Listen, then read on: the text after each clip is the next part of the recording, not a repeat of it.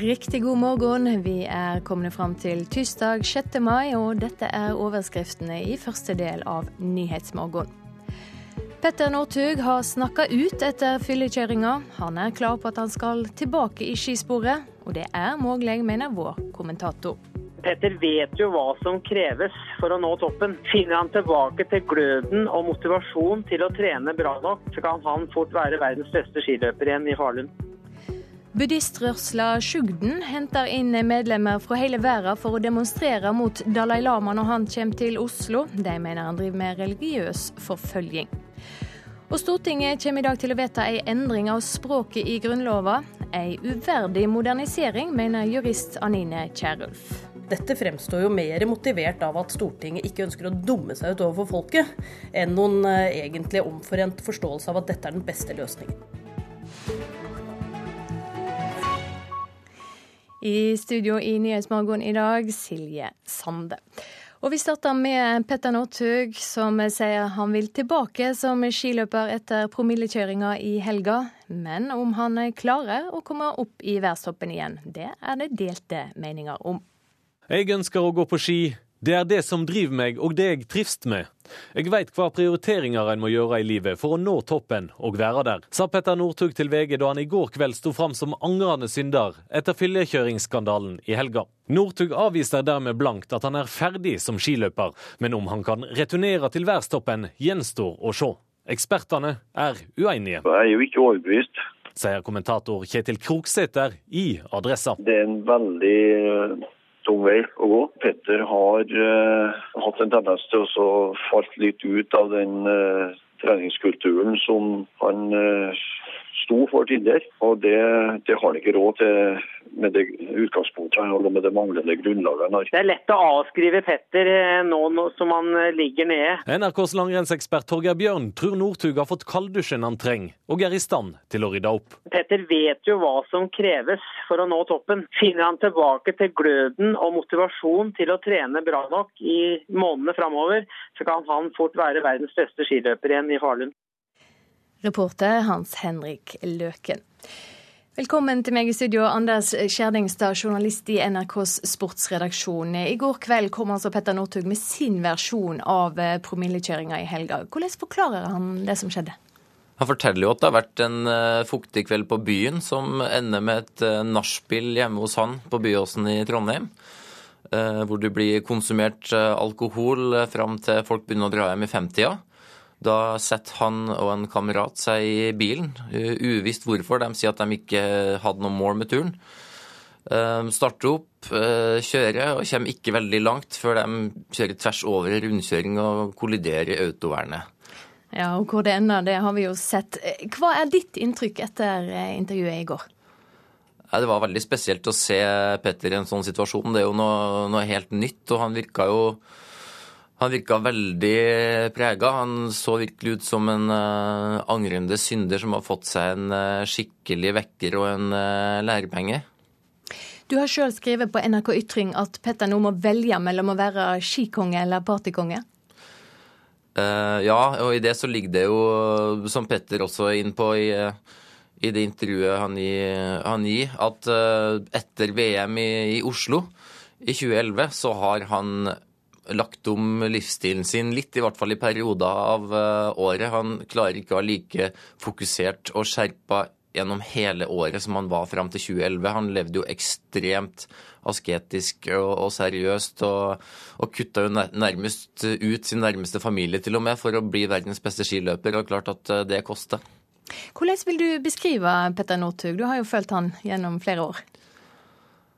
Ja, det, Han er jo en beskjeden type, først og fremst. Sånn, sånn privat, som er ekstremt fokusert på å oppnå de, de målene han har satt seg. og og gjør absolutt alt som må til for å lykkes med det han vil. Og sånn var det helt fram til 2011. Og som Petter sjøl sa da, da hadde han oppnådd alle sine mål, egentlig, med suksessen i OL året før og VM i Holmenkollen.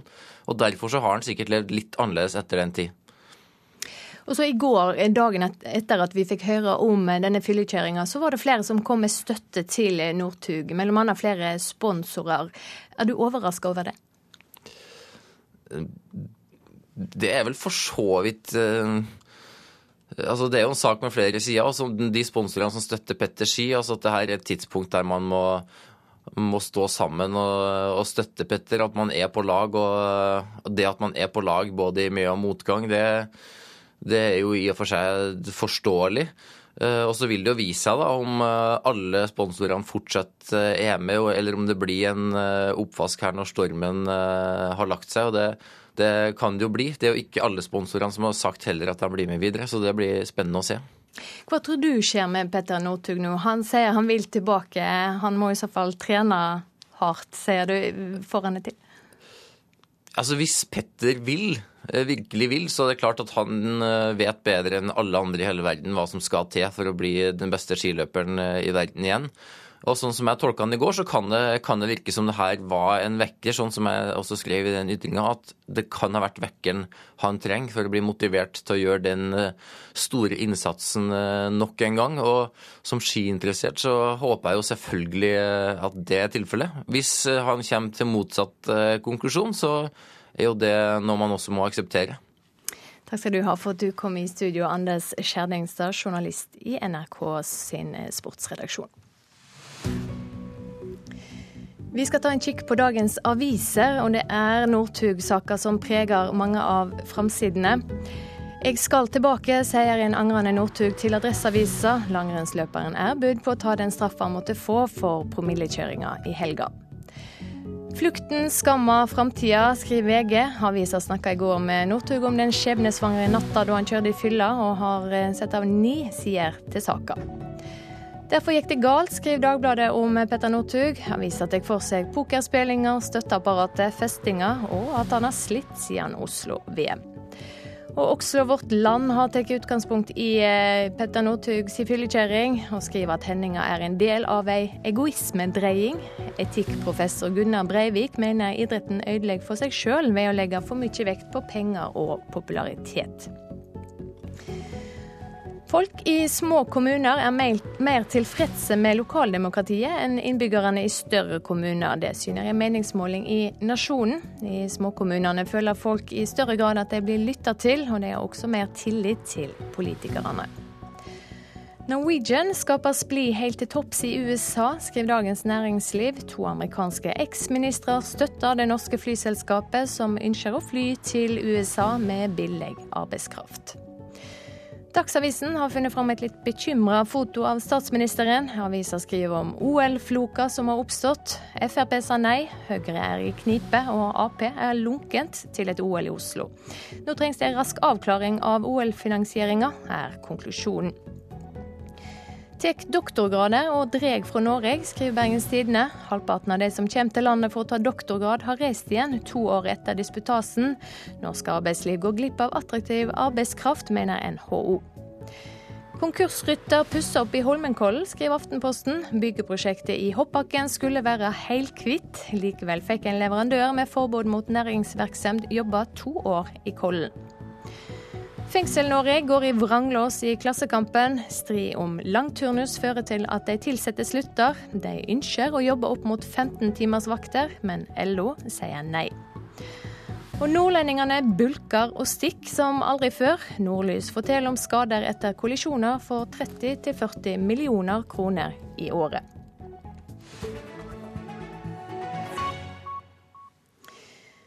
Flere hundre tilhengere av buddhistrørsla Sjogden skal demonstrere mot Dalai Lama når han kommer til Norge onsdag. De skylder Dalai Lama for å drive religiøs forfølging av Sjogden-samfunnet med forbud og tvang. Det tibetanske samfunnet i Norge frykter for tryggheten til Dalai Lama i Oslo. Men talsperson for Sjogden-rørsla, Len Foley, fnys av påstandene om at de skal være voldelige. That is, uh. Um, vi bryter ikke loven, vi er fredfulle. Vi har kameraer med oss under enhver demonstrasjon for å bevise dette, sier Folly. We record all, all of our protests are videotaped from the beginning to the end just to prove that everything that we're doing is in accordance with all the laws that are you know, in any area that we're protesting. Jeg kan bekrefte at PST har foretatt en trusselvurdering i forbindelse med Dalai Lamas besøk. Og I den trusselvurderingen ligger det bl.a. anbefalinger av ulike sikkerhetstiltak. Det sier kommunikasjonsrådgiver i Politiets sikkerhetstjeneste, Martin Berntsen. Trusselvurderingen er gjort etter at flere organisasjoner med det tibetanske samfunn i Norge i spissen har advart myndighetene. De frykter altså for Dalai Lamas sikkerhet under oppholdet i Oslo, og har bedt om strenge sikkerhetstiltak.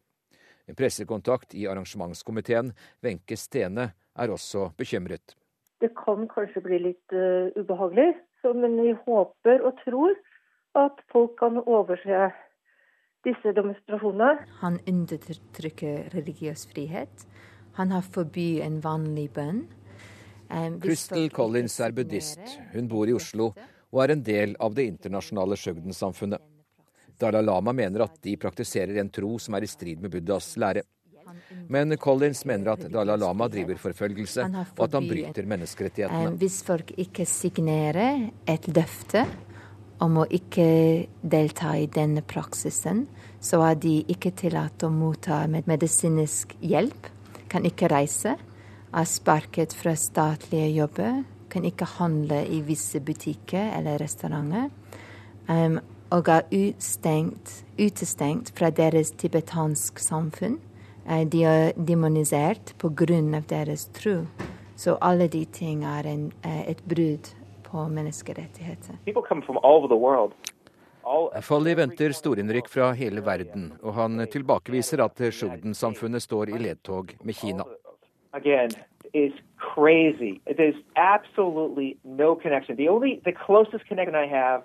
With anybody Chinese is when I eat out at a Chinese restaurant.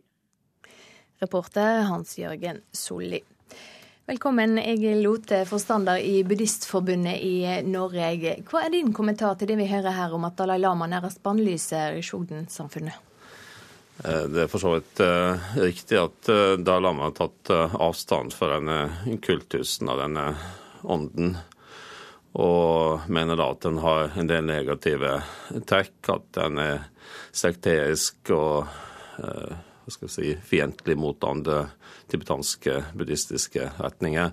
Sånn at eh, han eh, ønsker da ikke å delta i denne kultusen, og anbefaler heller ikke at andre gjør det. Ja, hva betyr det i praksis? Det betyr at eh, de klostrene som aksepterer hans lederskap, de gir ikke plass for denne kultusen.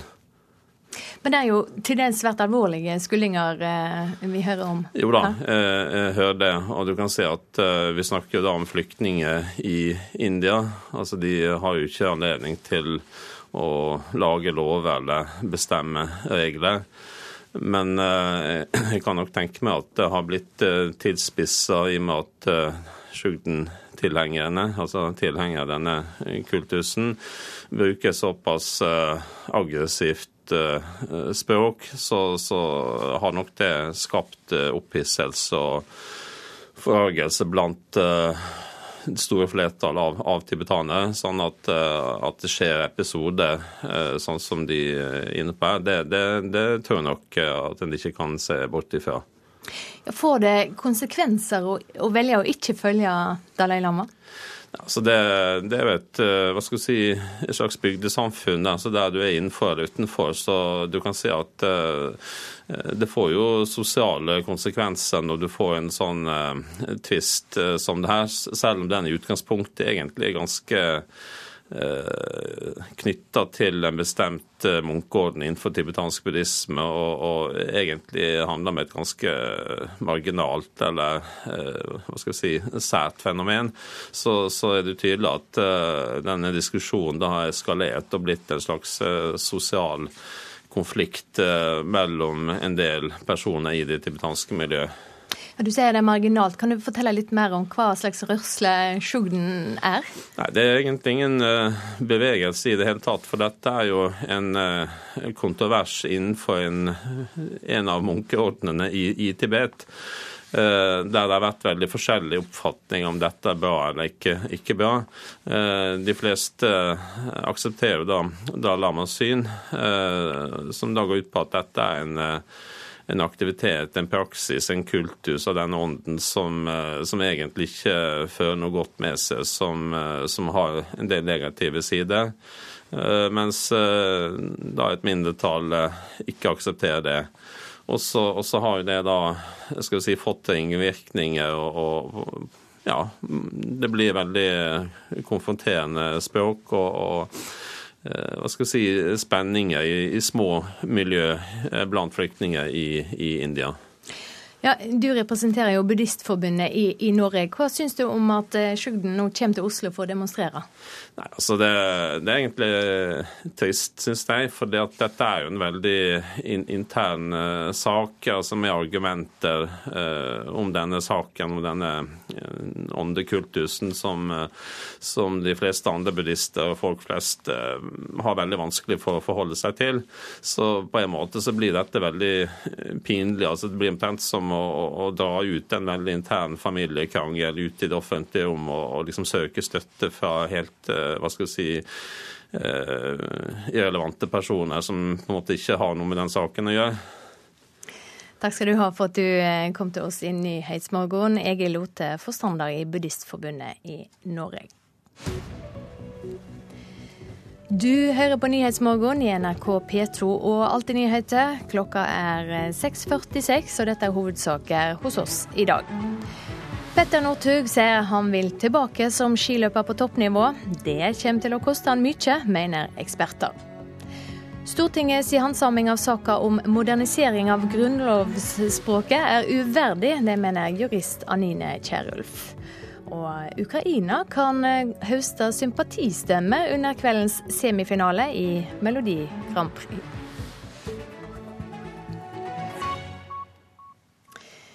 Natt til 21.1 eh, i år ble Annelise Holte vekt av en telefon fra politiet. De ville sjekke om hun var hjemme, eller om hun overnatta i bunadsverkstedet sin i Bø i Telemark. Den gamle sveitservillaen, der hun og seks andre bedrifter holdt til, var overtent. Annelise Holte mista livsverket sitt, men eh, sesongen er på topp, og hun er nå i full gang med å produsere nye bunader. Annelise Holte, hva er det du holder på med her? Nå driver jeg og skal stampe legg på et eh, forkle til beltestakk. Dampe legg, det var faguttrykk. Mm. ja ja. Bare det blir varmt dette jernet her, så skal vi til. Er litt kraftigere strykjern enn folk flest har. Mm. Jeg har faktisk kjøpt meg helt nytt sånn vakuum med vakuumbord. Så det er veldig bra. Du har eh, investert i en eh, del nytt utstyr, for ikke å si alt etter brannen? Alt er nytt. Tømmerhus med flere bedrifter totalskade i brann i Bø sentrum. Store verdier gikk tapt. Gamle arvegods og bunader og, og det som er. Anne Lise Holte mista livsverket sitt da bunadsverkstedet brant ned natt til 21.1 i år. Selv ble hun vekt av en telefon fra politiet. De ville sjekke om hun overnattet på bunadsverkstedet. Så Da får du liksom litt sjokk. Jeg hadde lagt igjen beskjed på svareren. Så jeg trodde det var skjedde noe med familien, dattera mi eller noe sånt. Så ringte jeg opp igjen, og da var det brann i Stasjonsveien 10. Så de var jo glad at jeg var hjemme.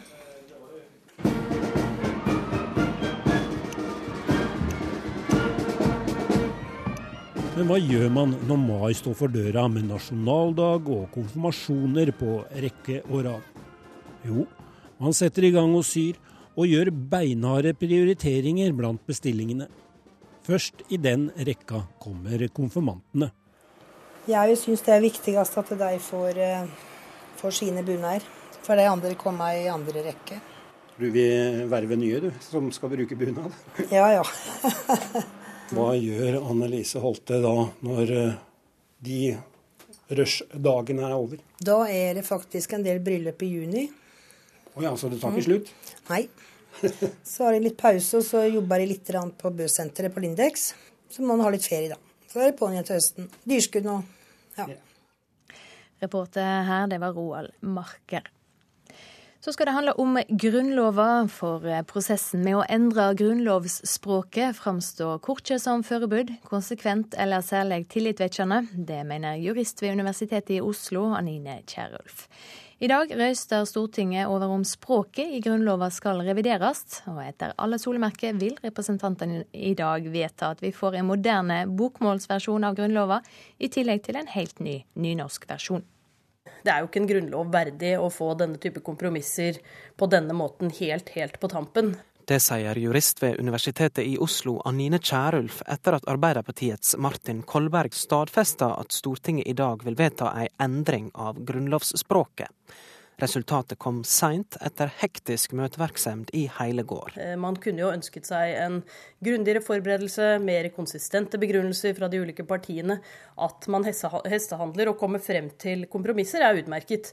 Men uh, dette fremstår jo mer motivert av at Stortinget ikke ønsker å dumme seg ut overfor folket, enn noen uh, egentlig omforent forståelse av at dette er den beste løsningen. Nå er det veldig vanlig med politiske prosesser at man ikke finner frem til samlende kompromisser før mot fristens utløp. Det sier Michael Tetzschner fra Høyre. Han vedgår likevel at arbeidsvilkårene ikke har vært optimale. Det er ikke de beste arbeidsbetingelsene å ha et jubileum eh, hengende over seg og en leveringsdato. Sånn sett er jeg enig i at Grunnloven er for viktig til å legge seg under et sånt kunstig tidspress. Reporter Lars Ivar Nordahl. Med meg nå kulturkommentator i NRK Agnes Moxnes. Et kunstig tidspress, hørte vi. Har dette vært en for eh, kjapp prosess? ikke kjapp og, og kjapp, fru Blom. Arbeidet med moderniseringen av Grunnloven har jo pågått i over ti år. Så det at politikerne endte opp i en situasjon hvor de hestehandler frem til ellevte time, der må de nesten gå i seg selv og finne ut hva det er som har skjedd. Men det har hele tiden vært et stort flertall i Stortinget for å gi Grunnloven mer, et mer moderne språklig uttrykk. Eh, det, men det debatten har gått om, da, er om dette eh, språket skal speile sitt eget opphav, altså Eidsvoll og, og 1814, eller om man skulle ha et språklig uttrykk à la 2014 ikke er grunnlov verdig, sier jurist Anine Kierulf. Er du sammen med henne? Ja, altså det hun sikter til, det er jo at vi nå får en, eh, en, grunnlov med to som egentlig er to grunnlover. Altså at du har eh, en nynorskutgave som da er skrevet på et moderne nynorsk, og en bokmålsutgave som er mer alderdommelig i det språklige uttrykket sitt. Samtidig så må man jo si at det speiler de, de, faktiske forholdene. At det språklige forelegget for bokmålsutgaven faktisk er 200 år gammelt. Mens vi, når vi nå får en nynorsk utgave, så er jo det en helt, helt ny eh, En nyfødt eh, utgave av Grunnloven. Så har det jo vært eh, innspill på at en, en kan få to ulike grunnlover, i og med at det er på ulike språk. Mm.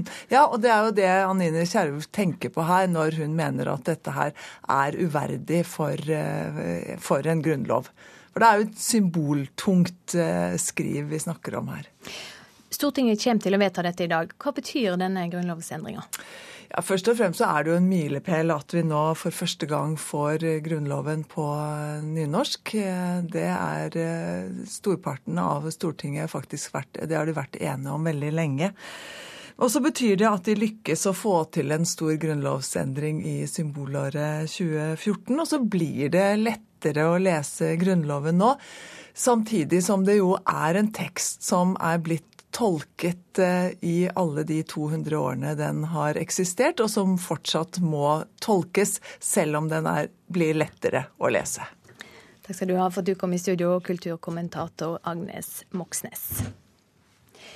Nå skal det handle om Melodi Grand Prix. For eh, konflikten med Russland kan gi Ukraina sympatistemme under årets Eurovision Song Contest. Det tror lederen av den norske Melodi Grand Prix-klubben, Morten Thomassen. I kveld starter første semifinale i København, med både Ukraina og Russland på scenen.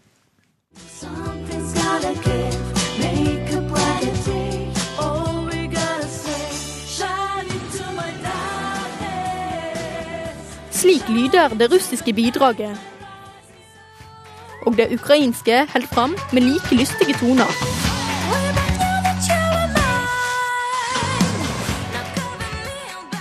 kveld står de på den samme scenen under årets første semifinale i Eurovision Song Contest. Bidragene til både Russland og Ukraina er tilsynelatende blotta for politisk innhold, men den spente politiske situasjonen mellom de to landene er likevel et tema under årets arrangement.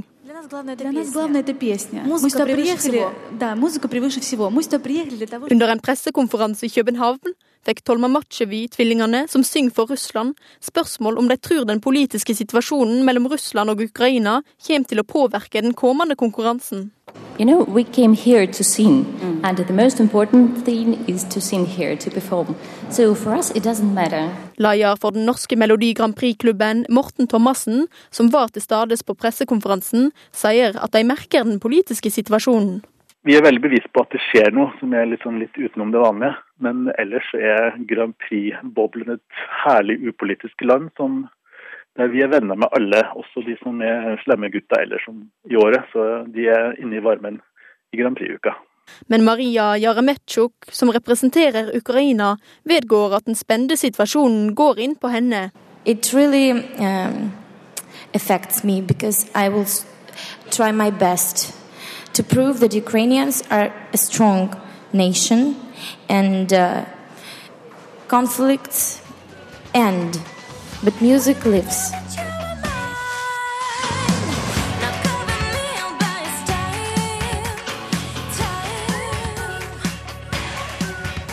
Ukraina kan komme til å få sympatistemmer, sier Thomassen. Det blir jo interessant å se når vi får vite avstemningsresultatet om de har fått mye ekstra sympati. Og også blir det spennende å se om Russland får såpass mye antipati at de kanskje til en forandring ikke kvalifiserer seg til finalen. Det, for meg så er Russland både låtmessig og politisk messig på, på kanskje-listen over de som kan kvalifisere seg til en finale. De er ikke like sikre som de, de har vært tidligere år. De, de er litt ute å kjøre, det er helt klart.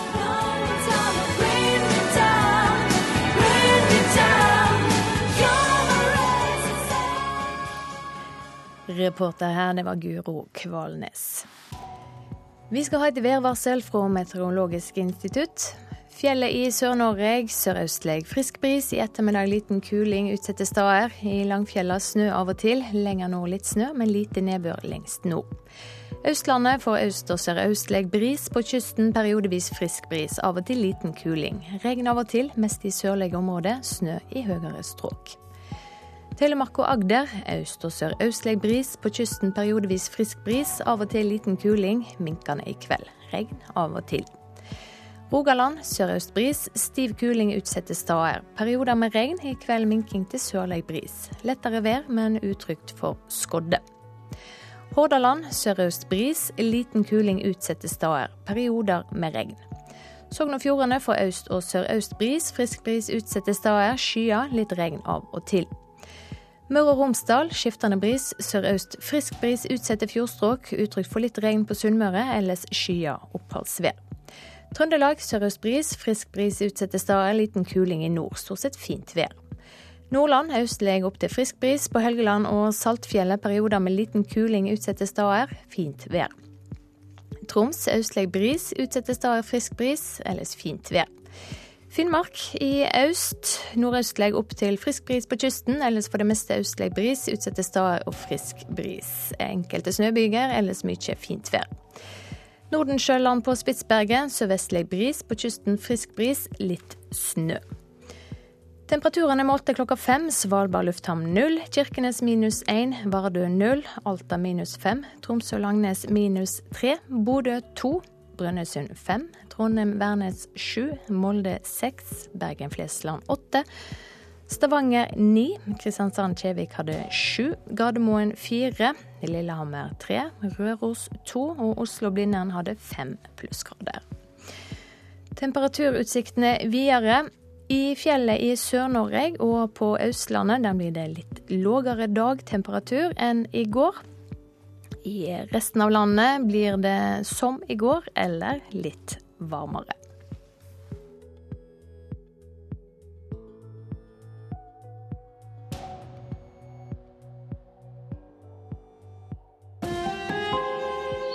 Hør ekko. Over én million mennesker har fulgt med. Folk fra over 160 ulike land i verden har kikket.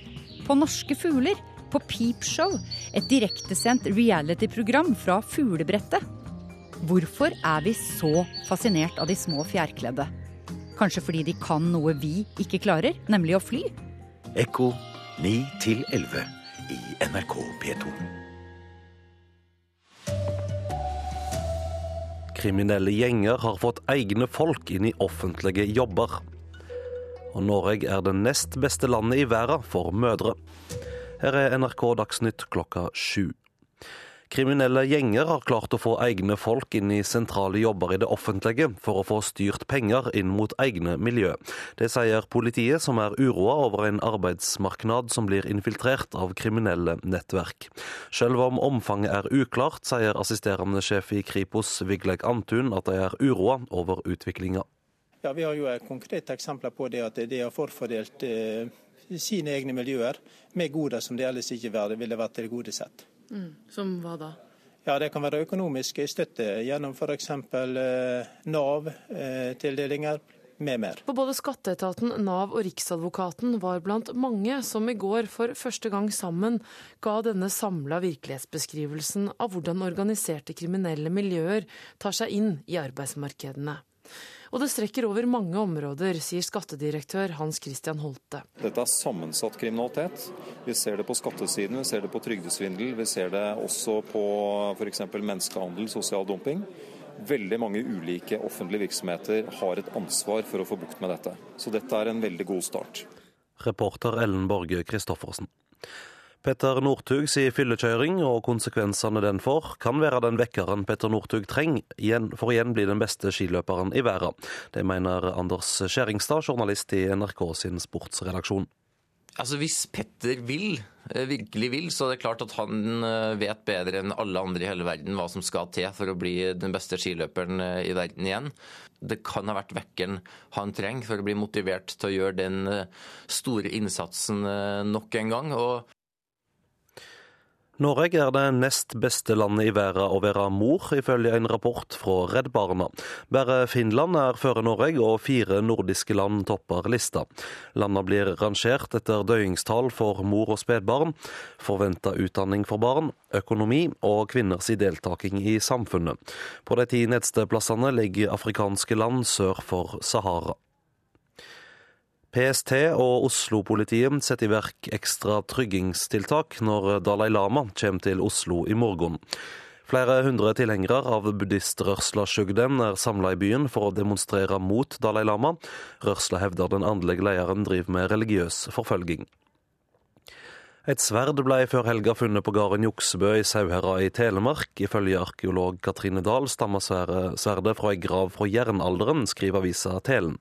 Bonde Nils Angar forteller at det var en kjenning med metalldetektor som fant skatten. NRK Dagsnytt, Vidar Eidhammer. Nyhetsmorgen holder fram i P2 og Alltid nyheter. Her hos oss skal vi høre at ett av seks barn som opplever dramatiske hendinger, utvikler psykisk sykdom etterpå. Det blir mer om kriminelle gjenger som får sine egne folk inn i sentrale offentlige jobber. Og vi skal høre at det er nokså iskaldt mellom bøndene og landbruksminister Sylvi Listhaug.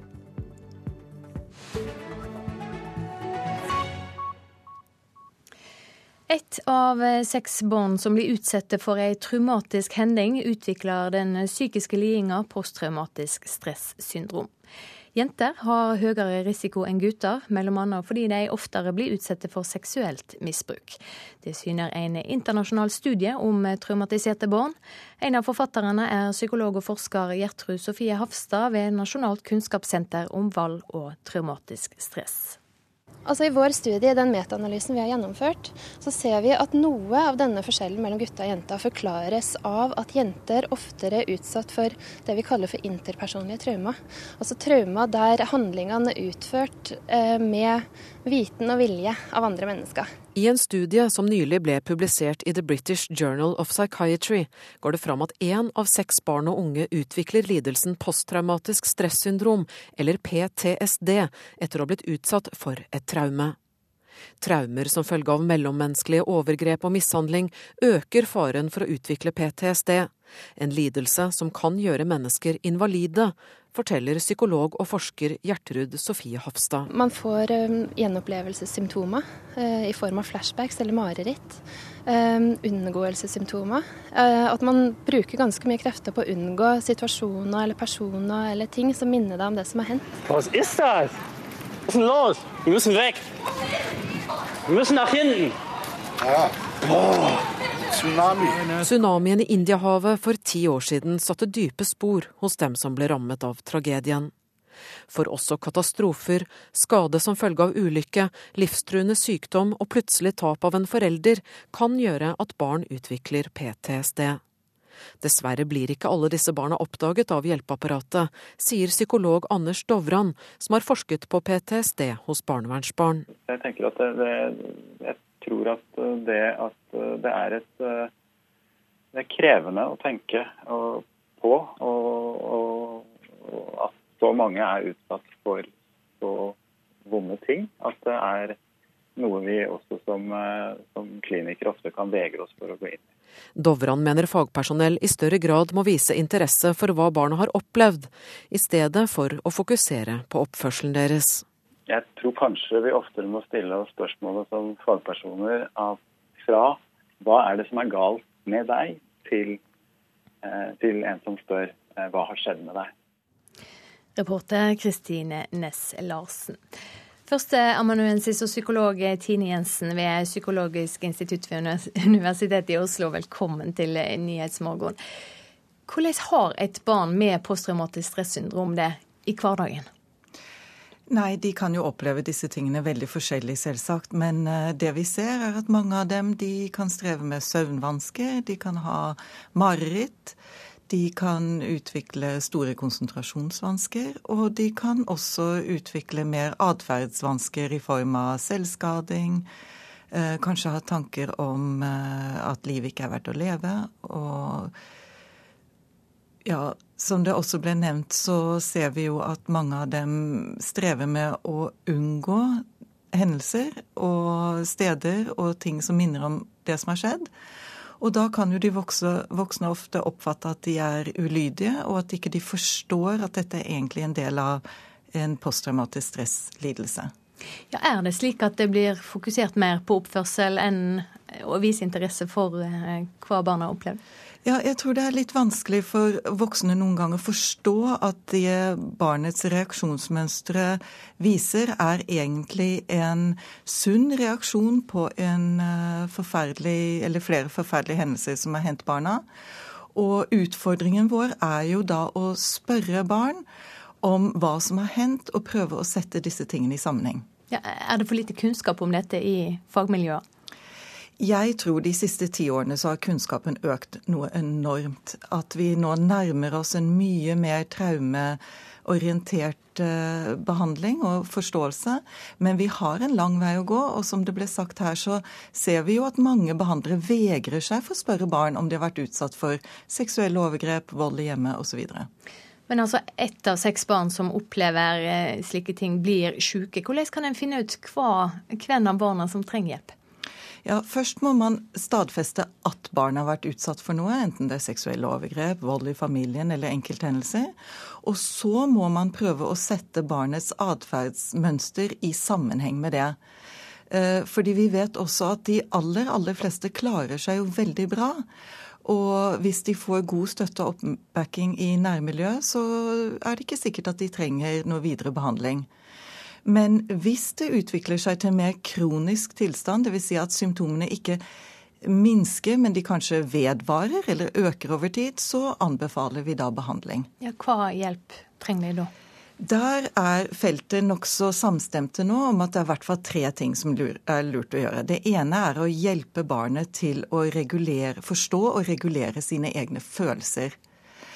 Det andre er å identifisere og prøve å korrigere feiloppfatninger barna kan ha utviklet om det som har hendt, f.eks. at det er deres skyld, at de fortjente det, eller at de kan ha skamfølelser. Og det siste er at man må arbeide med historien. Man må snakke om den på måter som gjør at den ikke, at den ikke vekker frykt ved å bare tenke på det eller snakke om det som har hendt. Og det behøver ikke egentlig ta så lang tid. Men eh, hvis vi da kan få involvert foreldrefigurer eller omsorgspersoner i den behandlingen, så er det også veldig hjelpsomt. Hvordan går det med de barna som ikke blir sett, som ikke får behandling? Nei, som sagt så vet vi jo at mange klarer seg veldig godt. Men de som har utviklet mer kroniske tilstander, vet vi ikke nødvendigvis klarer å hele seg selv. Så da kan det faktisk utvikle seg til en mer eh, hva skal jeg si, mer fastlåst situasjon som rammer deres utviklingsmuligheter. Og vi skal huske at barn rammes i utviklingsprosesser på helt andre måter enn voksne. De kan eh, f.eks. det kan forringe, forringe deres skolefungering. De får kanskje dårligere karakterer. Og også deres måter å forholde seg til andre mennesker på og etablere vennskapsrelasjoner. Og det er klart at det er jo en eh, Det hemmer deres utvikling. Og det ønsker vi da å forebygge at det ikke skal gjøre. Takk skal du ha for at du kom i studio, Tine Jensen fra Psykologisk institutt ved Universitetet i Oslo. Kriminelle gjenger har lukkes med å få egne folk inn i sentrale jobber i det offentlige for å få styrt penger inn mot egne miljø. Det sier politiet, som uroer seg over en arbeidsmarked som blir infiltrert av kriminelle nettverk. Vigleik Antun er assisterende sjef i Kripos. Da snakker vi om at eh, personer som er knyttet til det kriminelle gjengmiljøet, har fått eh, posisjoner i offentlig sektor hvor de kan tildele den type goder til sitt miljø. Som hva da? Ja, Det kan være økonomisk støtte gjennom f.eks. Eh, Nav-tildelinger, med mer. Kripos har lenge gjort det klart at i år er det arbeidsmarkedskriminaliteten som står øverst på blokka. Vigleik Antun, som for tiden er sjef, sier at et av problemene de ser nå er at kriminelle har fått seg jobber på store offentlige arbeidsplasser for å få tak i noe av pengene. Det at vi ser at dette begynner å bre om seg, gjør oss bekymret. Og i dette her ligger jo det betydelige økonomiske Men arbeidskriminalitet angår langt flere enn Kripos og politiet. For både skatteetaten, Nav og Riksadvokaten var blant mange som i går for første gang sammen ga denne samla virkelighetsbeskrivelsen av hvordan organiserte kriminelle miljøer tar seg inn i arbeidsmarkedene. Og det strekker over mange områder, sier skattedirektør Hans Christian Holte. Dette er sammensatt kriminalitet. Vi ser det på skattesiden, vi ser det på trygdesvindel, vi ser det også på f.eks. menneskehandel, sosial dumping. Veldig mange ulike offentlige virksomheter har et ansvar for å få bukt med dette. Så dette er en veldig god start. Kripos-sjefen pekte generelt på tre nettverk som utgjør hovedproblemet. Det er kriminelle litauere og kriminelle fra Balkan og gjengkriminelle. Og sistnevnte gruppe har også klart å posisjonere sine egne folk i offentlig sektor. Vi har sett tendensen til et forsøk på dette tidligere uten å lykkes, men nå har vi altså sett tilfeller eh, hvor eh, man har lykkes. Reporter Ellen Borge Christoffersen. Vi skal til jordbruksforhandlingene, for eh, der går det mot brudd. Det mener fylkesleder i Sogn og Fjordane Frp, Frank-Willy Juvik. Stemninga mellom bøndene og Sylvi Listhaug er allerede iskald. I dag kommer staten med sitt tilbud. Ja, jeg vil jo faktisk si at det ikke er et spørsmål om det blir brudd. Jeg eh, tror det er et spørsmål om når det blir brudd. Sier fylkesleder i Sogn og Fjordane Frp Frank Willy Djuvik, som kommer rett fra landsmøtet på Gardermoen. Under Takk for maten-talen på landsmøtet uttalte landbruksminister Sylvi Listhaug at det er like vanskelig å gjøre endringer i jordbruket som å flytte en kirkegård. Det har hisset opp Bondelagets leder Nils T. Bjørke, som allerede var ganske irritert. Og De kommentarene som hadde på landsmøtet sitt, er jo, da vitner om at hun tar det litt lettvint.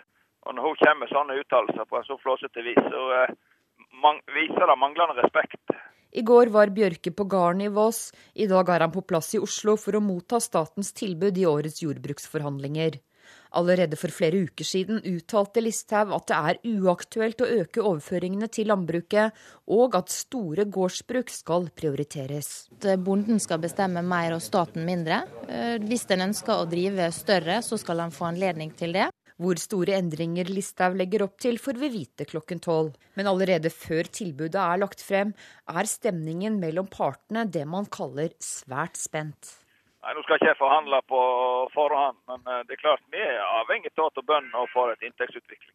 FrPs Frank-Willy Juvik er spent på om bondeorganisasjonene tør å gå for brudd og kjøre saken til Stortinget. Fremskrittspartiet har jo eh, alltid gått inn for å fjerne jordbruksavtalesystemet, men nå har vi forplikta oss gjennom regjeringsavtalen til å eh, videreføre det. Og Da er det faktisk veldig spesielt at det nå er Arbeiderpartiet og eh, Kristelig Folkeparti og Venstre som ser ut til muligens å torpedere jordbruksavtalesystemet for godt. Ja, dette, dette, er en helt uh, ny posisjon. For det første at uh, partiet i Stortinget har gått ut uh, på den måten de har gjort allerede før forhandlingene er i gang, og på den måten pressa de som skal forhandle på vegne av staten, altså regjeringa. og for det andre fordi at en varsler at dette er en debatt som en faktisk heller ønsker å ta i Stortinget enn mellom partene. Reporter Line Tomte. Med meg nå på linje fra eh, Tyholt, kommentator i Nasjonen, Cato Nyquist. Aller først, hvorfor eh, er stemninga mellom Listhaug og bøndene så dårlig? Ja, vi hørte jo tydelig her hvor, eh, hvordan posisjonene er.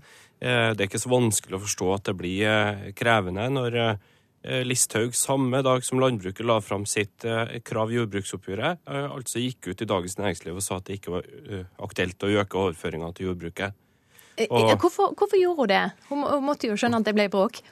Ja, eh, det skulle en tro. Eh, det kan jo tyde på at hun, hun kan ha vært ute etter å teste hvordan, hvordan den politiske opposisjonen, altså flertallet på Stortinget, ville motta et sånt budskap. Og, og det er klart, også derifra så kom det veldig negative reaksjoner på det utspillet. Hva vil du si er de vanskeligste sakene i dette oppgjøret? Ja, Det er jo selvsagt størrelsen på jordbruksoverføringene. Eh, Listhaug har jo sagt at hun ønsker å redusere dem. Eh, bøndene på sin side vil ha en inntektsutvikling som er bedre enn for andre grupper, for å ta igjen det de oppfatter som et, eh, et etterslep. Men eh, også innretninga på politikken vil bli et stridstema. Eh, bondeorganisasjonene ønsker betydelig politisk styring av næringa med omfordeling mellom ulike produksjoner og landsdeler. Mens eh, Listhaug vil overlate mer til markedet, og det vil ganske sikkert føre til sterkere sentralisering og færre bønder. Ja, for det er jo slik at landbruksministeren gjerne vil ha bøndene over eh, i større bruk, og ikke ha så mange små eininger. Hvorfor er det stor motstand mot det? Det er nok ulike begrunnelser eh, for det. Mange mange landbruket er opptatt av å, bevare eh, næringas styrke. Eh, desto færre gårdsbruk, eh, desto mindre innflytelse. Eh, andre igjen er opptatt av den norske sjølforsyninga, og sjølforsyninga er uløselig knytta til jord. Skal man utnytte jord i et land som Norge, så må man ha mange enheter. Og Samtidig så, så finnes det jo også bønder som støtter, støtter den politikken som Listhaug fører, i hvert fall i, som har et ønske om å å øke produksjonen og, og størrelsen på sitt egen, eh, eget gårdsbruk. Men det er nok et mindretall. Hvor vanskelig blir dette for den nye regjeringa, og, og for Listhaug spesielt? Ja, det helt avgjørende er jo hva som er i tilbudet som, som Listhaug legger fram i dag. Eh, vil regjeringa legge opp til en konfrontasjonslinje, og, og kanskje også foreslår å kutte jordbruksoverføringene, så blir det et holdt jeg på å si, et uhyre interessant politisk oppgjør. Eh, for da, for da, blir det eh, Da er det jo ikke bare bøndene som, som, protesterer, men kanskje også et flertall på Stortinget. Og det kan jo få potensielt alvorlige følger for eh, regjeringa. Takk skal du ha for at du var med, kommentator i Nasjonen, Cato Nyquist. Klokka er 7.18. Du hører på Nyhetsmorgen, og dette er våre hovedsaker nett nå. Ett av seks barn som blir utsatt for ei traumatisk hending, utvikler den psykiske lidinga posttraumatisk stressyndrom. Kriminelle gjenger har lykkes med å få egne folk inn i sentrale jobber i det offentlige. Og Dalai Lama varmer opp i Latvia før norgesbesøket starter i morgen.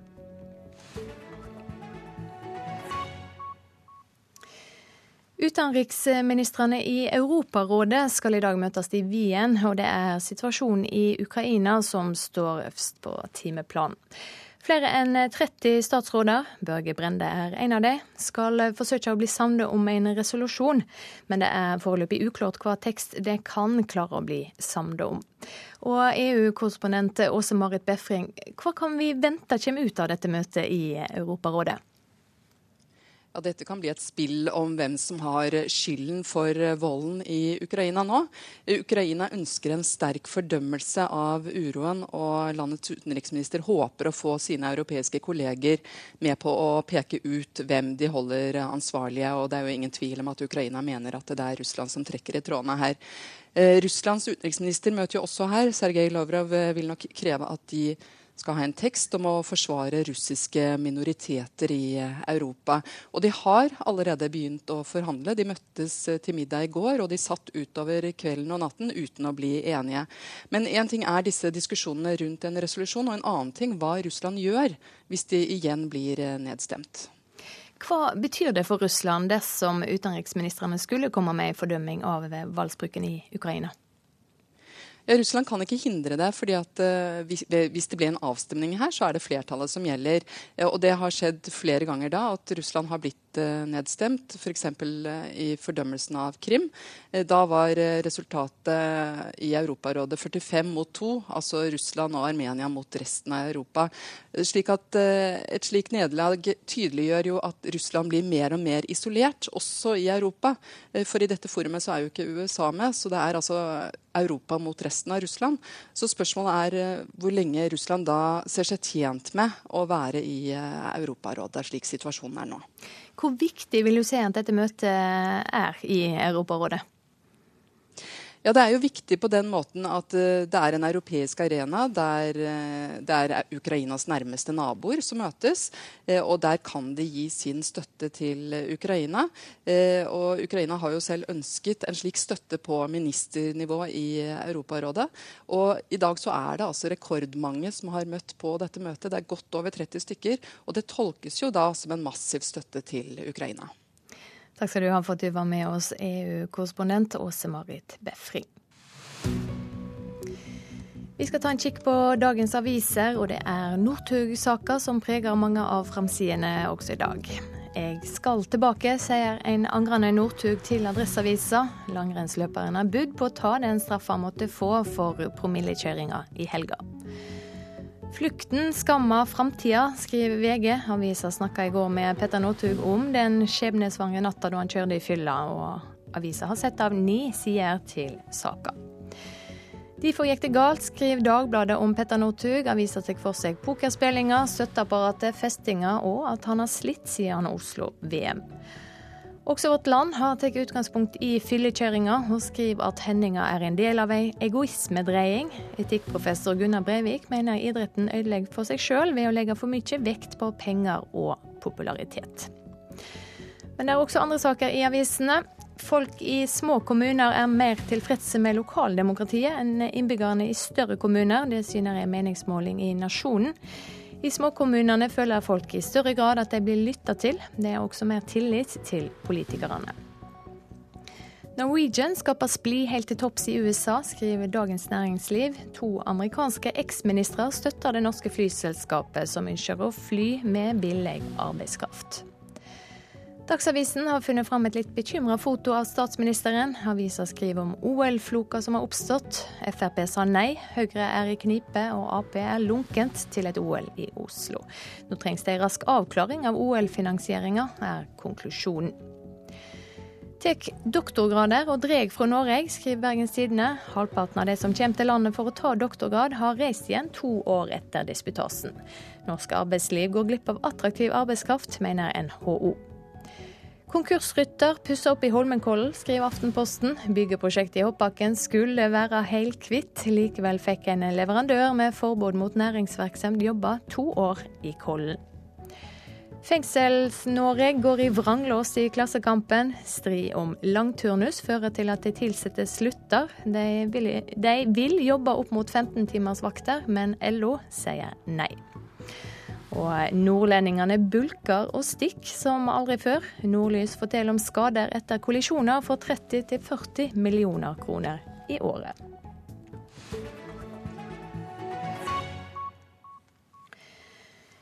Tibets åndelige leder Dalai Lama besøker Latvia før han i morgen kommer til Norge. Ingen møte med politiske ledere er avtalt i løpet av det to dager lange besøket til Latvia. Utenriksmedarbeider Philip Lote følger Dalai Lama sitt besøk i Latvia, i hovedstaden Riga.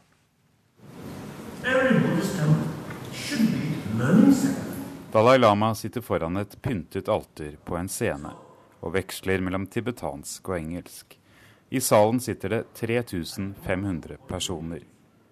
Dalai Lama mimrer tilbake til sine første år som Tibets øverste leder, da han i 1954 hadde reist til Beijing for å forsøke å finne frem til en enighet om hvordan Tibet skulle styres. Formann Mao Zedong var ateist og dypt skeptisk til religion.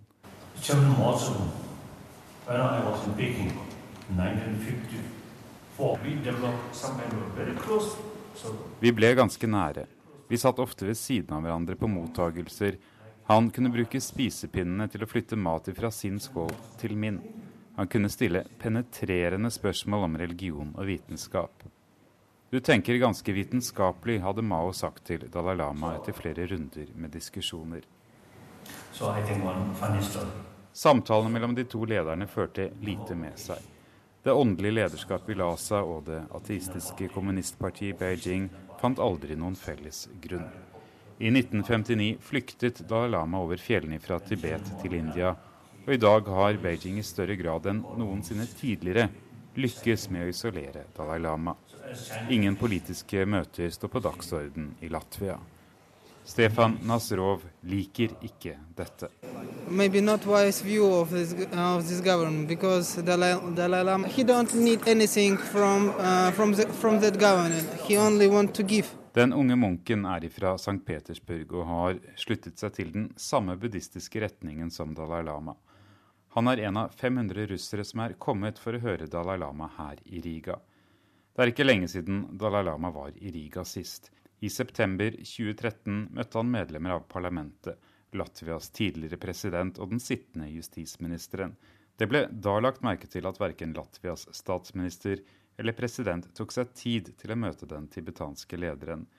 Denne gang er det altså ingen politiske møter. Nasrov mener at også Norges regjering kun tenker på kortsiktig politisk gevinst når de ikke vil møte Dalai Lama når han i morgen reiser fra Riga til Oslo. Norway government, but they think uh, just a little bit closer. They think about maybe uh, not far away, uh, far. President Bush, my very close det er en aldrende mann som sitter på podiet inne i konferansesalen i Riga. Han tar seg tid til å snakke om mange av de han har møtt. Det blir like mange anekdoter som religiøse sitater. Men han har spart én buddhistisk punchline til slutt. Bruk aldri vold, og baser deg aldri på trusselen om vold. Det skaper frykt og mistillit sier den 79 år gamle Dalai Lama.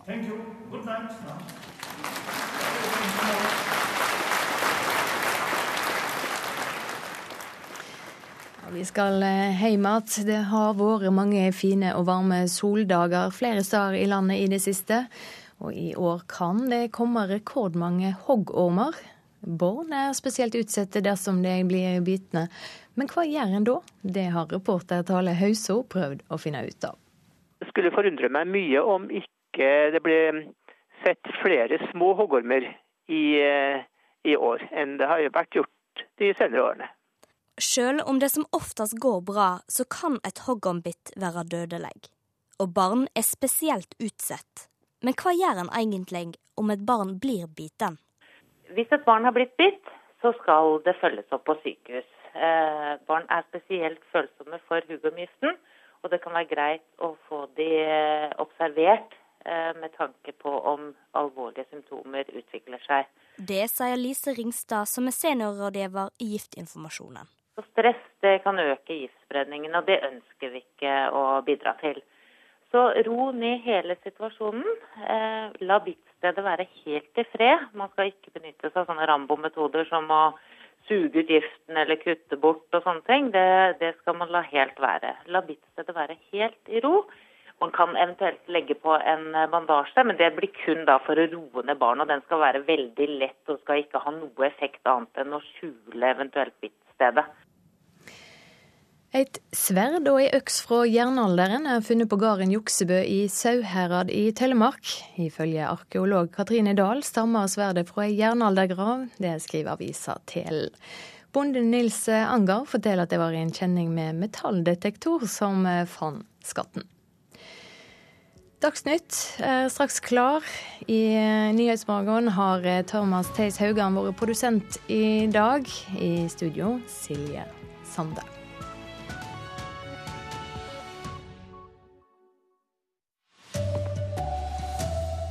Kriminelle gjenger får egne folk inn i sentrale offentlige jobber. Harde kamper i Slaviansk i Ukraina, minst 15 er drepne siden i går. Og Petter Northug vil tilbake til verdstoppen, men ekspertene har delte meninger. Her er NRK Dagsnytt klokka 7.30. Kriminelle gjenger på Østlandet har klart å få egne folk inn i sentrale jobber i det offentlige for å få styrt penger inn mot egne miljø, det sier Kripos. I går samla politi, næringsliv og offentlige etater seg for første gang for å gi ei skildring av hva slags kriminalitet som preger bygg- og anleggsbransjen. Assisterende sjef i Kripos, Vigleik Antun, sier de nå også ser kriminelle få jobber i offentlig sektor. Da snakker vi om at eh, personer som er knyttet til det kriminelle gjengmiljø, har fått eh, posisjoner i offentlig sektor hvor de kan tildele den type goder til sitt miljø. Kripos har lenge gjort det klart at i år er det arbeidsmarkedskriminaliteten som står øverst på blokka. Vigleik Antun, som for tiden er sjef, sier at et av problemene de ser nå er at kriminelle har fått seg jobber på store offentlige arbeidsplasser for å få tak i noe av pengene. Det at vi ser at dette begynner å bre om seg, gjør oss bekymret. Men arbeidskriminalitet angår langt flere enn Kripos og politiet. For både skatteetaten, Nav og Riksadvokaten var blant mange som i går for første gang sammen ga denne samla virkelighetsbeskrivelsen av hvordan organiserte kriminelle miljøer tar seg inn i arbeidsmarkedene. Og det strekker over mange områder, sier skattedirektør Hans Christian Holte. Dette er sammensatt kriminalitet. Vi ser det på skattesiden, vi ser det på trygdesvindel, vi ser det også på f.eks. menneskehandel, sosial dumping. Veldig mange ulike offentlige virksomheter har et ansvar for å få bukt med dette. Så dette er en veldig god start. Kripos-sjefen pekte generelt på tre nettverk som utgjør hovedproblemet. Det er kriminelle litauere og kriminelle fra Balkan og gjengkriminelle. Og sistnevnte gruppe har også klart å posisjonere sine egne folk i offentlig sektor. Vi har sett tendensen til et forsøk på dette tidligere uten å lykkes, men nå har vi altså sett tilfeller eh, hvor eh, man har lykkes. Reporter Ellen Borge Christoffersen. Minst 15 er drepne og 30 skadd etter harde kamper i den ukrainske byen Slavjansk i går. Separatistene er blitt pressa tilbake og ligger nå i dekning i sentrum av byen. Blant de drepne var den 30 år gamle kvinna Irina, som sto på en balkong og røykte.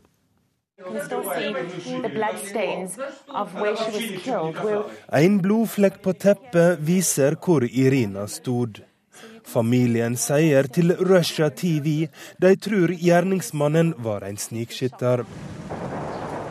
Utenfor ble det i går utkjempa et bittert slag mellom tungt væpna separatister og den ukrainske hæren. Separatistene ble pressa tilbake, men klarte igjen å skyte ned et ukrainsk militærhelikopter. Fire ukrainske soldater ble drepne i offensiven. Ifølge Russia TV ble også ti separatister drepne i kampene. Senere i dag møter John Kerry Catherine Ashton i Washington DC. Og Europarådet kommer i dag sammen i Wien for å diskutere urolighetene på dørstokken til Europa. Sa reporter Roger Severin Bruland. Petter Northug sier han vil tilbake som skiløper etter promillekjøringa i helga. Men om han klarer å komme opp i verdstoppen igjen, er det delte meninger om. Jeg ønsker å gå på ski. Det er det som driver meg, og det jeg trives med. Jeg veit hva prioriteringer en må gjøre i livet for å nå toppen og være der, sa Petter Northug til VG da han i går kveld sto fram som angrende synder etter fyllekjøringsskandalen i helga. Northug avviser dermed blankt at han er ferdig som skiløper, men om han kan returnere til værstoppen, gjenstår å se. Ekspertene er uenige. Jeg er jo ikke overbevist. Sier kommentator Kjetil Kroksæter i Adressa. Det er en veldig tung vei å gå. Petter har uh, hatt en tendens til å falt litt ut av den uh, treningskulturen som han uh, sto for tidligere. Og det, det har han ikke råd til med det utgangspunktet han har, med det manglende grunnlaget han har. Det er lett å avskrive Petter eh, nå, nå som han eh, ligger nede. NRKs langrennsekspert Torgeir Bjørn tror Northug har fått kalddusjen han trenger, og er i stand til å rydde opp. Petter vet jo hva som kreves for å nå toppen. Finner han tilbake til gløden og motivasjon til å trene bra nok i månedene framover, så kan han fort være verdens beste skiløper igjen i Falun reporter Hans Henrik Løken. Og journalist i NRK sin sportsredaksjon, Anders Skjæringstad. Hvordan framsto Northug i intervjuet i går? Han framsto jo virkelig som en uh, angrende synder. Det var helt tydelig at det har gått uh, veldig tungt inn på han. Og han skjønner nok helt sikkert at han har gjort noe veldig dumt som han ikke burde ha gjort. Du skriver selv på NRK Ytring at han må velge mellom å være skikong eller partykonge. Er han interessert i å komme tilbake i verdstoppen? Sånn som jeg tolka han i går, så virka det som den opplevelsen har vært eh, en vekker som han kanskje har trengt for å innse at hvis han skal tilbake dit han var, som verdens beste skiløper, så er det knallhard eh, jobbing og stram disiplin som eh, gjelder. Han må spise, han må søve, han må trene, og det er det han må gjøre det meste av året hvis han skal bli best igjen. Har du et inntrykk av at Petter Northug blir tilgjeven og får støtte av folk? Allerede før han eh, snakka ut i går, så så man jo på sosiale medier at det kom en sånn sympatibølge som det ofte gjør. Eh, Petter Northug har alltid vært elska og hata, og sånn kommer det nok til å fortsette å være. Men jeg syns han gjorde et eh, godt inntrykk i intervjuene i går. Takk skal du ha, Anders Skjæringstad, journalist i NRK sin sportsredaksjon. Ett av seks barn som blir utsatt for ei dramatisk hending, får alvorlige psykiske ettervirkninger, posttraumatisk stressyndrom. Det kommer fram i ei internasjonal undersøking som Nasjonalt kunnskapssenter om vold og traumatisk stress har vært med på. Hva er det? Hva er los? Vi må weg. Tsunami. Tsunamien i Indiahavet for ti år siden satte dype spor hos dem som ble rammet av tragedien. I en internasjonal studie går det fram at én av seks barn og unge utvikler lidelsen posttraumatisk stressyndrom etter å ha blitt utsatt for et traume. En av medforfatterne, psykolog og forsker Gjerterud Sofie Hafstad ved Nasjonalt kunnskapssenter om vold og traumatisk stress, sier den som rammes kan bli invalid. Man får um, gjenopplevelsessymptomer uh, i form av flashbacks eller mareritt. Man bruker ganske mye krefter på å unngå situasjoner eller personer eller ting som minner deg om det som har hendt. Av studien går det også fram at jenter har høyere risiko for å utvikle posttraumatisk stress enn gutter, delvis fordi de oftere utsettes for misbruk. Man, man har behov for å ha et inntrykk eller et bilde av verden som trygg og forutsigbar. Og dersom man blir utsatt for noe som er utført av noen man stolte på f.eks., så vil det innebære svik. Sviket som disse barna utsettes for, gjør at fagpersonell i større grad må vise interesse for hva de har opplevd, sier psykolog Anders Dovran, som har forsket på PTSD hos barnevernsbarn. Jeg tror kanskje vi oftere må stille oss spørsmålet som fagpersoner at fra hva er det som er galt med deg, til, eh, til en som spør hva har skjedd med deg? Reporter Kristine Næss Larsen. PST og Oslo-politiet setter i verk ekstra tryggingstiltak i samband med Dalai Lama sitt besøk i Oslo i morgen. Flere hundre tilhengere av buddhistrørsla Shogden er samla i byen for å demonstrere mot Dalai Lama under besøket, og arrangøren frykter for tryggleiken hans. Shogden-rørsla skylder Dalai Lama for å drive religiøs forfølging med forbud og tvang. Det går mot brudd i jordbruksforhandlingene. Det tror fylkeslederen i Sogn og Fjordane Framstegsparti, Frank-Willy Juvik. Stemninga mellom bøndene og landbruksminister Sylvi Listhaug er alt iskald, og i dag kommer staten med sitt tilbud. Jeg vil jo faktisk si at det ikke er et spørsmål om det blir brudd, jeg eh, tror det er et spørsmål om når det blir brudd. Sier fylkesleder i Sogn og Fjordane Frp Frank-Willy Djuvik, som kommer rett fra landsmøtet på Gardermoen. Under Takk for maten-talen på landsmøtet uttalte landbruksminister Sylvi Listhaug at det er like vanskelig å gjøre endringer i jordbruket som å flytte en kirkegård. Det har hisset opp Bondelagets leder Nils T. Bjørke, som allerede var ganske irritert. Da vitner jeg om at hun tar det litt lettvint. Og når hun kommer med sånne uttalelser på en så flåsete vis, så uh, viser det manglende respekt I går var Bjørke på gården i Voss. I dag er han på plass i Oslo for å motta statens tilbud i årets jordbruksforhandlinger. Allerede for flere uker siden uttalte Listhaug at det er uaktuelt å øke overføringene til landbruket, og at store gårdsbruk skal prioriteres. Bonden skal bestemme mer og staten mindre. Eh, hvis en ønsker å drive større, så skal han få anledning til det. Hvor store endringer Listhaug legger opp til, får vi vite klokken tolv. Det er klart Vi er avhengig av at bøndene får et inntektsutvikling. Nils T. Bjørke til reporter Line Tomter. Ansvarlig for denne dagsnyttsendinga var Anne Skårseth. Det tekniske ansvaret hadde Frode Thorshaug. Og her i studio Vidar Eidhammer.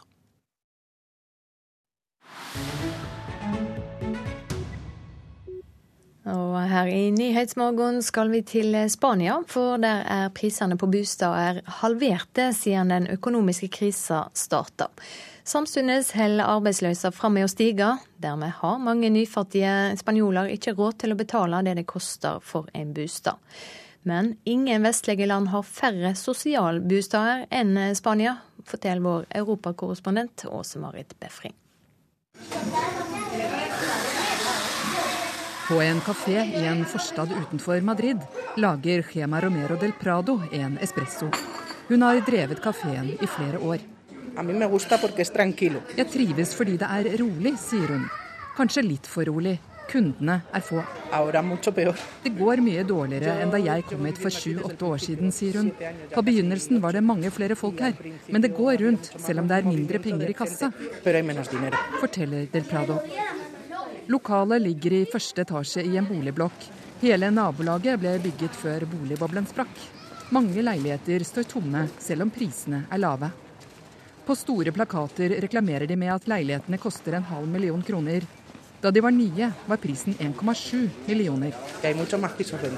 Det er flere leiligheter som blir solgt nå, sier Romero del Prado. Jeg kjøpte selv da det var dyrt, men det var enda dyrere i Madrid.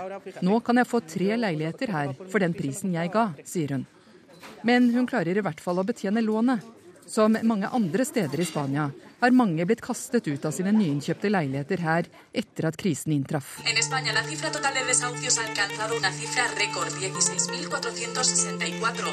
Lenge nådde det overskriftene. Familier som ble kastet på gata.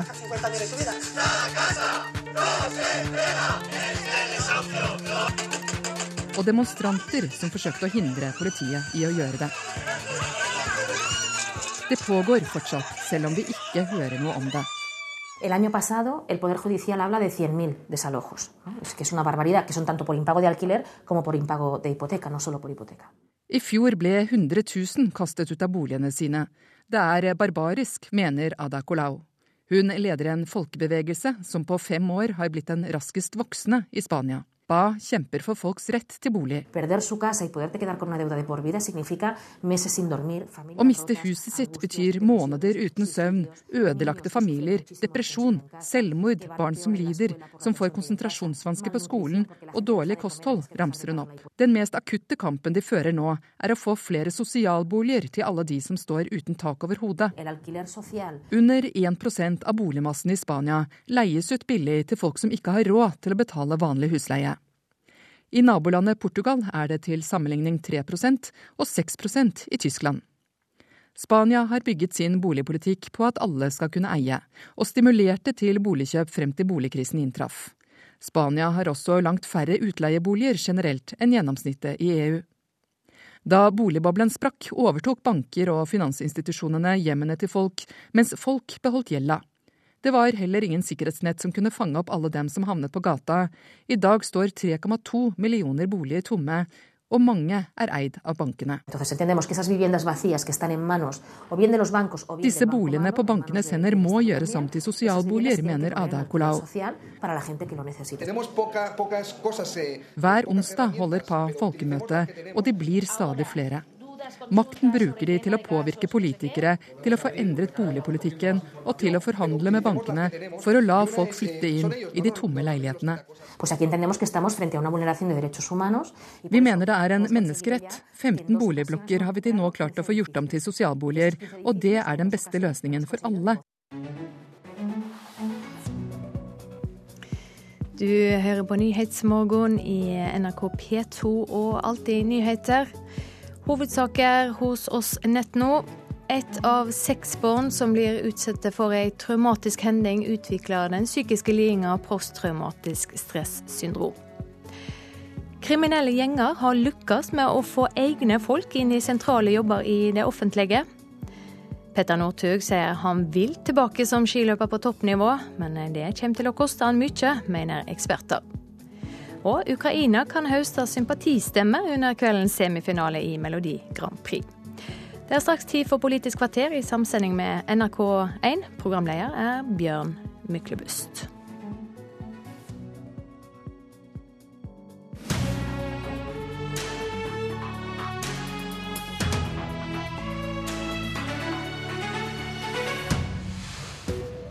Venstre har gjort det. Fremskrittspartiet bestemte seg i helgen for at de skal vurdere det. Og hva gjør Høyre til helgen?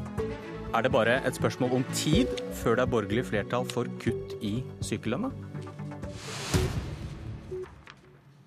Er det bare et spørsmål om hva som er populært og ikke. Sara Økland, du er sentralstyremedlem i Fremskrittspartiets Ungdom, og på landsmøtet gikk du på talerstolen og fikk Frp med på å utrede kutt i sykelønna. Og er det bare snakk om tid, tror du, før det er borgerlig flertall for dette? Eh, det håper jeg. Nå må vi først se hva denne her utredningen som Fremskrittspartiet nå har gått inn for, fører til. Eh, hvor vi skal se på alle mulige måter for å redusere velferdsetatens utgifter, slik at vi får en mer bærekraftig velferdsstat. Erna Solberg sier til VG i dag at dette er utredet sitat 18 ganger. Det er enda mer som, eh, som, kan gjøres. Det er utvilsomt. Det er fremdeles en stor debatt som går om hvorvidt f.eks. karensdager, 80% sykelønn osv. Eh, er riktig eller ikke. Å utrede er kanskje en annen måte å si at partiet ikke er modent for dette? Det kan være. Nå håper Fremskrittspartiet at eh, vi i hvert fall beveger moderpartiet i riktig retning. For nå er det sånn at hele 163 400 mennesker under 40 år de står utenfor arbeidslivet. Dette her er en trygdegalopp som må stoppes. stoppes. Vi kan ikke ha det sånn at folk i tidlig av 20-årene pensjonerer seg. Eh, det må lønne seg å, å arbeide. Vi er en oljenasjon. Vi har råd til å gi blaffen en stund. Eh, men regningen den kommer til slutt. Er, er, det bare snakk om frykt for velgerne som hindrer Frp og Høyre å gå inn for kutt? Jeg tror det er et eh, moment ja. Jeg tror det er en, en, en usikkerhet. Eh, men jeg ser at stadig flere eh, forstår alvoret i denne trygdegaloppen. De ser at vi er europamestere i å skrive arbeidsledige over på trygd. Jeg ser etter frykt i øynene på Stefan Heggelund fra Høyre. Velkommen. Tusen takk for det. Du sitter i arbeidskomiteen på Stortinget. Venstre vil kutte. Frp vil utrede, og snart er det landsmøte i det største borgerlige partiet. og Er det velgerne du er redd for? Nei, overhodet ikke. Kan jeg bare først si at jeg syns utgangspunktet som nei, FPU hadde da de skrev denne resolusjonen, er veldig bra. Det er viktig at vi har debatter om å diskutere velferdsstatens fremtid og velferdsstatens bærekraft. Så mener jeg at man kanskje blir litt for fokusert på én løsning, og det som man da har tenkt på her, det er altså å kutte i sykelønnsordningen. Grunnen til at eh, det er ingen som snakker i realiteten om å kutte i sykelønnsordningen, det er jo fordi at man i 2001 fikk IA-avtalen. Nå er det nesten på dagen to måneder siden eh, partene signerte en ny IA-avtale. Der gjør man mye. Det er eh, bl.a. fjerner man sanksjonsregimet, slik at arbeidsgivere skal få tid til å følge opp den ansatte. Nav skal få tid til å følge opp istedenfor å bruke tid på skjemavelde, og pasienten skal få konsentrere seg om å bli frisk. Eh, og jeg mener at eh, den IA-avtalen som nå er reforhandlet, den, eh, den, ser jeg på med optimisme. Og så er det en rekke andre ting man kan gjøre med sykelønnsordningen uten å kutte. Men du, tror, eksempel... tror, du, tror, du, velgerne ville straffet Høyre da, hvis man gikk inn for det? Nå hører jeg at du er imot, men hvis man gikk inn for det, tror du velgerne ville straffet dere? Altså, Det er ikke sånn man tenker når man utvikler politikk. Du er ikke redd? Nei, jeg er ikke så veldig redd av meg. Men, men, det er ikke sånn man tenker når man utvikler politikk. Altså, Spesielt ikke når man snakker om store, viktige temaer som å, å bevare fremtidens bærekraft. Men, men man, man, trenger mens, ikke kutte i sykellønna? Nei, for det er en del andre virkemidler man kan bruke for å få ned sykefraværet. Økland. Det ene har jeg nevnt, og det er IA-avtalen. Det andre er f.eks. normerte sykemeldinger. Vi har sett at uh, fylkesvis er det store forskjeller på hva én diagnose gir i sykemeldingstid. F.eks. så har man noe som heter uh, F.eks. i en skulderskade. Det gir jeg tror det var 55 dager i Telemark, 85 dager i Oppland og i gjennomsnitt 101 dager i Vestfold. Det er sånne ting man kan gjøre noe med ved f.eks. å ha veiledende normerte sykemeldinger. Og det er ett tiltak for å få ned sykefraværet og få folk raskere i arbeid. Økland. Denne resolusjonen handler om mye mer enn bare sykelønn. Den handler også om, om f.eks. uføretrygdede. De 80 personene som hver eneste dag går fra å være arbeidsledig til å eh, bli uføretrygdede. Så er jeg, sånn at jeg er veldig enig med, med Stefan om at sykelønn og utbetalinger og eh, graderte, eh, graderte, sykemeldinger, det er veien å gå. Eh, og det er noe vi må ha mer av. Det er sånn at fire av ti de sykemeldes for plager som ikke kan forklares medisinsk, men med trøtthet og slapphet osv. Moral? Det kan være ja. Jeg mener at eh, vi må se på retningslinjene i dette her. Se på muligheten for å gradere sykemeldingene mer. Tilrettelegge mer på arbeidsplassene, slik at folk kan stå i arbeid. Det ønsker folk flest, og da må vi også legge til rette for det. Det er ikke noe behov for å røyke ut de umoralske, Heggelund? Jeg syns den spørsmålsstillingen blir litt rar, for å være helt ærlig. Eh, vi har sagt at vi vil gjøre noe med sykelønnsordningen for å få ned sykefraværet. En av tingene jeg har nevnt, er normerte sykemeldinger. Nasjonale mål for gradering av sykemeldinger tror jeg også er viktig. I tillegg så har vi sagt at uh, ingen fastleger skal kunne sykemelde mer enn seks måneder av gangen uten å få en second opinion. Det sier vi nettopp fordi at vi vet at langtidssykefraværet er den største utfordringen. fordi at jo lenger folk står sykemeldt, jo vanskeligere er det å få dem tilbake i arbeid. Men så har vi jo en del, så må vi se på dette i en større sammenheng. Altså en del andre tiltak som ikke går direkte på sykelønnsordningen, men som vil være viktige. Eksempel så vi, jobber vi nå på spreng med å korte ned helsekøene. Nemlig ved å kjøpe folk ut av helsekøene, eh, sånn som vi sa i valgkampen at vi skulle gjøre. Vi skal bygge ut det psykiske helsetilbudet i kommunene, slik at folk får hjelp der de bor. Det er altså en rekke ting vi kan gjøre for å få ned sykefraværet uten å kutte i sykelønna. For ett år siden så ble du intervjuet i Minerva. Sitat.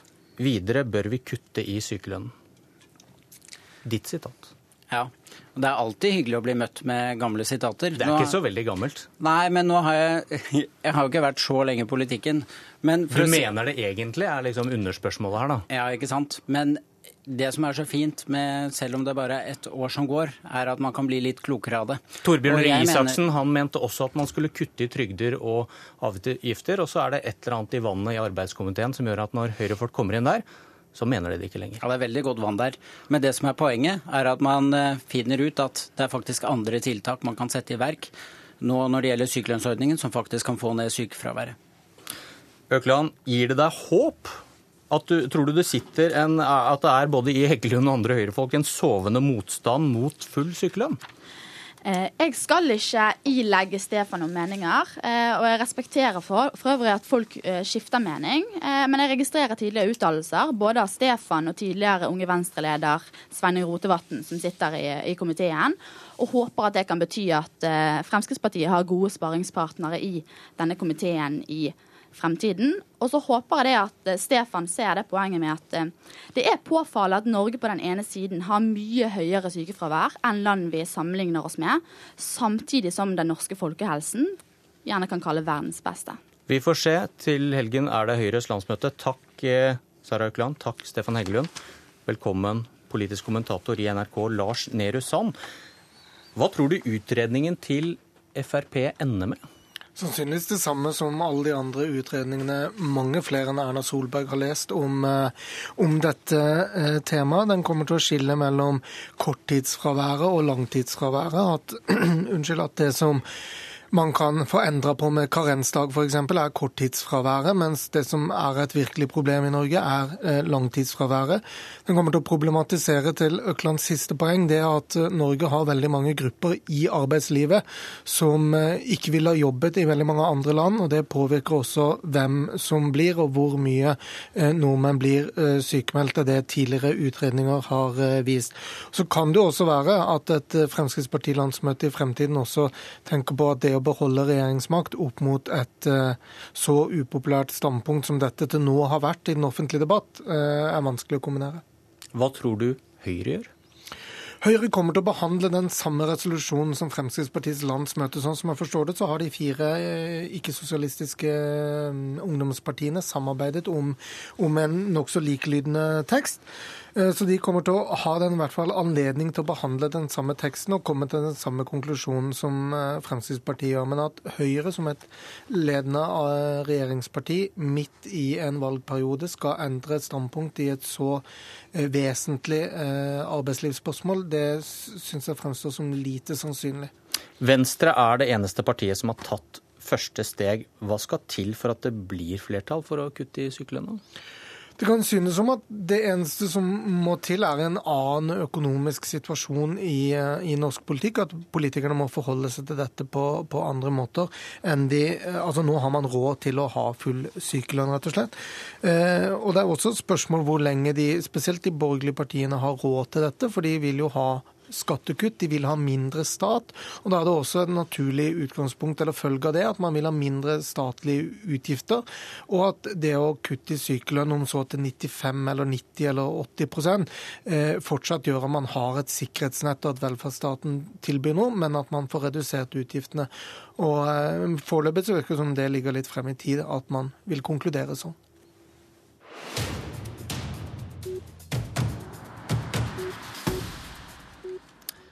Vi starter også neste sak på Fremskrittspartiets landsmøte. Å modernisere landbruket er som å flytte en kirkegård.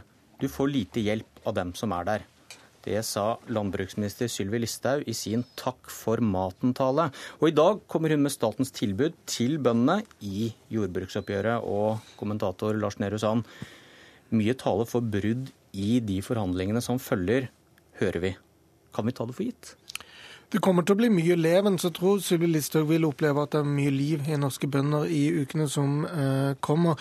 Brudd er derimot ikke et mål i seg selv for noen av partene. Jeg tror Bondelaget forstår at hvis de skal ha en finger med i spillet lengst mulig, så er det ikke et alternativ å bryte veldig raskt.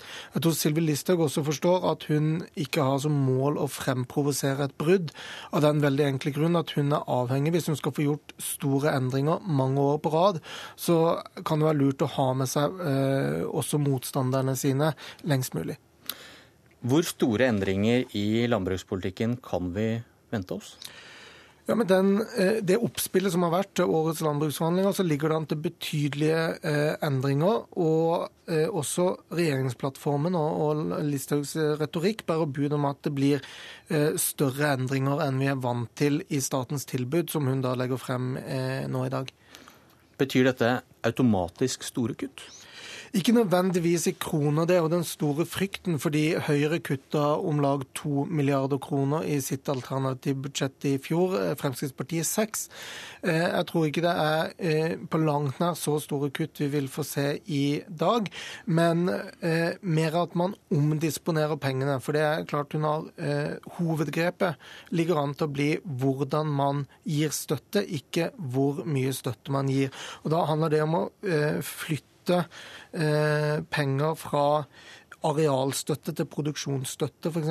At man skal flate ut sånn at det ikke lenger gis indirekte mye mer støtte for små bruk enn store bruk osv.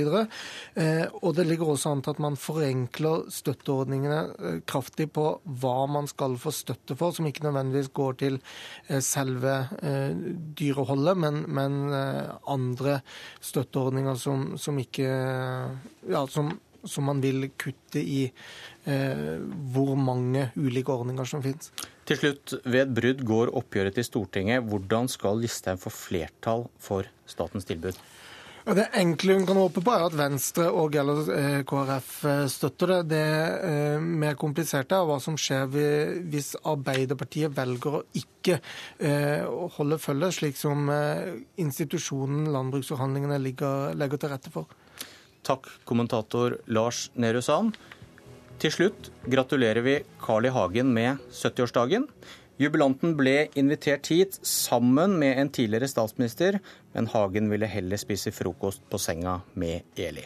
Mon tro om de lyttet på Politisk kvarter likevel, som i dag var ved Bjørn Myklebust.